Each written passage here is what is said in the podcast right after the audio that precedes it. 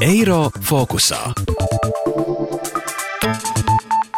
Uzņēmumam Dzintars ir sena vēsture. Pirms 172 gadiem Heinrichs Aldovs Brīgers Rīgā nodibināja ziepju un parfimērijas fabriku, bet nosaukumu Dzintars uzņēmums ieguva 1951. gadā.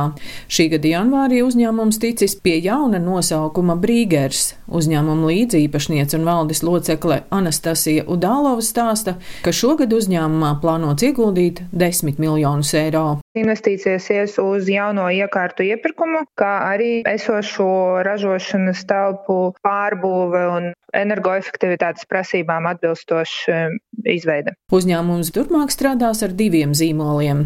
Ar zīmolu Brīgeri tiks ražoti dārgākā segmenta produkti, savukārt ar zīmolu Zintārs ražos masu produkciju. Mēs centīsimies turpināt Zintara iesākto iespējami dabīgu produktu par uh, iespējami pieņemamu cenu. Ņemot vērā to, ka mūsdienu kosmētikas nozare jau ir gājusi tālāk uz priekšu un dažas no sastāvdaļām, kuras iepriekš izmantoja dzintars, vairs netiek uzskatītas par labo esam, tad šīs sastāvdaļas mēs arī izņemsim ārā un smaržas dažām no pozīcijām arī varbūt višķi mainīsies un kļūs mūsdienām piemērotākas, bet pamatprincips gan lupu balzāmiem, gan nivējai, gan dažādiem citiem kremiem paliks tieši tāds pats kā bija dzintarā. Mums ir plāns iet uz Igauniju kā otro tirgu un uz Lietuvu kā trešo, bet paralēli mēs eh, jau sākam certifikāciju gan Krievijā, gan Baltkrievijā, gan eh, Ukrainā, lai mēs varētu būt jau vasaras sākumā arī citās valstīs.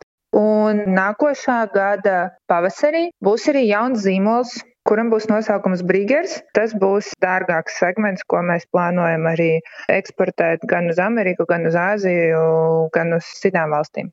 Vai jaunais kosmētikas uzņēmums ņems vērā maksātnespējīgā dzintara kļūdas?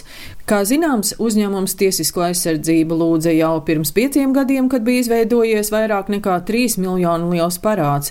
Kad parāda saistības dubultojās, 2019. gadā tika pasludināta uzņēmuma maksātnespēja. Turpina Brīgers līdzīpašniece un valdes locekle Anastasija Udālova. Iepriekšējā dzintara vadība ir izdarījusi milzīgu darbu, ka ir iespējams vēl joprojām runāt par tādu brendu kā dzintars, bet vadības stils visdrīzāk nespēja pielāgoties mūsdienu tirgus situācijai, un mārketings, protams, ir viena no svarīgākajām sastāvdaļām kosmētikas biznesā, ko savukārt dzintars īpaši ar mārketingu nenodarbojās. Mēs savukārt ņemsim mārketingu kā savu galveno rīku arī citu tirgu iekarošanā.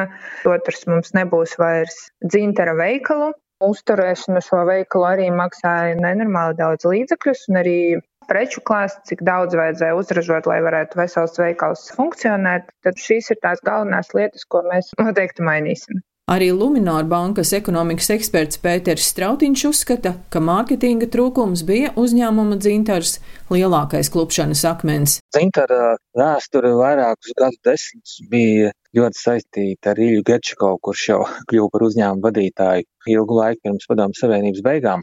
Viņam bija uzskatu un pārliecību kopums, kas noteikti neveicināja šī uzņēmuma sekmes. Šis arī turklāt nav produkts, ko varētu pārdot tikai ar racionāliem argumentiem. Tur ir vajadzīgs tēls, stāsts, dizains. Tas ir emocionāls produkts, un tas ir emocionāli jāpārdod.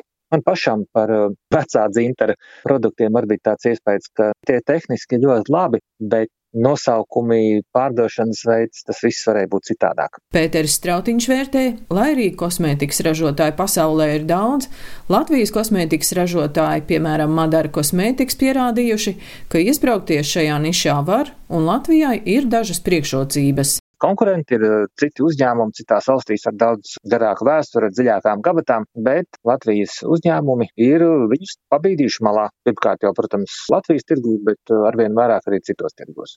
Iespējams, tāpēc, ka šeit ir eh, ražošanas izmaksas tomēr ievērojami lētākas nekā Rietumē Eiropā. Var saražot lētāk, teiksim, šeit kvalificētiem strādniekiem algu izmaksas stundā ir kaut kādi 11 eiro kvalificētiem strādniekiem kopā ar nodokļiem. Vācijā, Zviedrijā, Francijā un tā tālāk tur tomēr jau būs 40, 50, varbūt pat 60 eiro. Un ja tu strādā ar tādām pašām iekārtām kā tur rietumos, proti pārdot, tad ir labas sekmes. Šobrīd uzņēmumā Brīgers strādā 50 cilvēki. Līdz gada beigām to skaits varētu palielināties līdz 100, tāpēc uzņēmums aicina pieteikties darbā ķīmiķus, tehnologus, kvalitātes uzraudzības speciālistus, arī elektriķus un santehniķus. Dāina Zalamane, Latvijas radio. Eiro fokusā.